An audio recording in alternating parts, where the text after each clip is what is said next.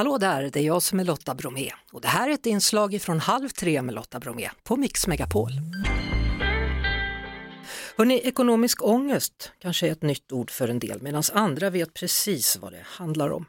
Eh, Niklas Laning är psykolog och författare, välkommen till Halv tre. Tack så mycket. Varför hör ekonomi och psykiskt mående ihop? Eh, ja, nej, det korta svaret är ju helt enkelt för att eh, hur mycket vi har i plånboken är ju något som bestämmer hur bra vi kan må. Eh, tittar man lite närmre på det så ser vi ju alla våra psykologiska studier att en väldigt så här, skyddande faktor för hur vi mår är ju ja, men hur man har det rent ekonomiskt. Alltså, har man det tufft och lever liksom från, eh, från hand till mun så är det mycket svårare att må psykiskt och säkert fysiskt bra också. Samtidigt så visar en del undersökningar då, eh, lite motsägelsefullt då, att, att de som har pengar är de som oroar sig mest. Eh, ja, men precis. Det är ju lite, alltså, och det första man ska säga att det är såklart att det finns en basnivå av hur mycket man behöver att leva på. Men sen så ser vi ju det, det märkliga sammanhanget att liksom, vad ska man säga, nyttovärdet av pengar mattas av. Och dessutom är det ju väldigt mycket så att vi jämför med hur har andra det i, i, liksom vår, i vår omgivning. Mm. Så, så det är inte konstigt att de som kanske har väldigt mycket resurser och liksom har precis det man behöver inte mår så jättebra ekonomiskt för att de kanske jämför sig med, med folk i sin närhet som har det lite bättre. Alltså den här hösten då, eh, idag har då styrräntan höjts, den läggs på tidigare besked om inflation och om elpriset. Hur ska man hantera liksom plus, plus, plus när det bara blir minus?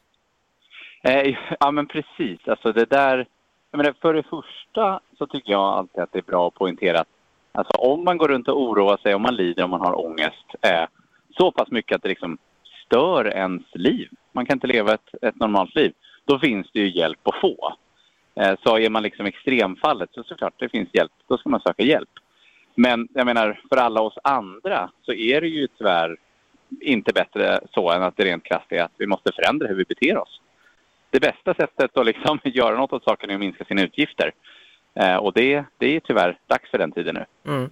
Eh, ska man prata med andra om man är orolig för till exempel elräkningen? Eh, ja, men jag tror att allting som har med ekonomi är jättetabubelagt. Alltså liksom i relationer men också inom familjer skulle jag tro att det liksom är. Det är någonting som kan gnaga, gnaga inom oss men det är sällan vi liksom verbaliserar den ångesten. Eh, och steg ett i liksom all beteendeförändring är ju ändå att man så här, konstaterar att man har ett problem, man mår dåligt av någonting. Eh, och det fina med att börja prata om de sakerna är ju dels så kan man föra hur andra gör, men man kommer ju dessutom få höra att det här är någonting som jättemånga mår dåligt av. Mm. Alla, liksom, alla villägare ligger uppe nu och tänker på liksom hur det ska bli i vinter. Alla småbarnsfamiljer svär över att det har blivit dyrare med blöjor och mjölk och allt annat. Så mm. det, så vad ska man akta sig för i dessa tider? Jag antar att det finns en del riskbeteenden som man åtminstone ska tänka till på. Eh, ja, men den, den, stora risken som jag ser är att vi inte anpassar våra beteenden tillräckligt snabbt. Alltså inflation på ja, men närmare 10 procent, dyra elräkningar som kommer och redan är här. Alltså om vi inte anpassar oss, då tror jag att vi kommer fatta en del dåliga beslut eh, som bygger på att vi vill fortsätta leva som vi alltid har gjort de som har månadssparanden kanske drar av, ställer in de sparandena.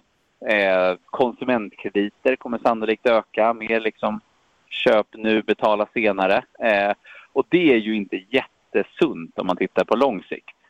Så, så liksom det, det, det snabba rådet som jag har att ge är ju såklart ja, men, börja kraftigt reducera dina utgifter. Och det är ju, det är ju liksom lättare sagt än gjort för många. Mm. Men eh, men det finns mycket att hämta med liksom smartare energiplanering. Det finns absolut billigare alternativ när det kommer till mat. Och sen dessutom så tror jag att liksom medelklassen har vant sig med en hel del vanor som man kanske får eh, lägga sig av med. Ja. Alltså äta ute, uteluncher som är svindyra om man bor i någon av storstäderna. Matlåda är väl snart någonting vi alla kommer behöva hålla på med. Eh, kanske inte liksom ha köpa kläder och shopping som ett nöje utan det kanske är någonting som, som är nödvändighet när det väl är dags. Det, det finns nog mycket att göra. Tack för de tipsen så länge då Niklas Laning, psykolog och författare och tack för att du var med i Halv tre. Tack för att jag fick vara med. Vi hörs såklart på Mix Megapol varje eftermiddag vid halv tre.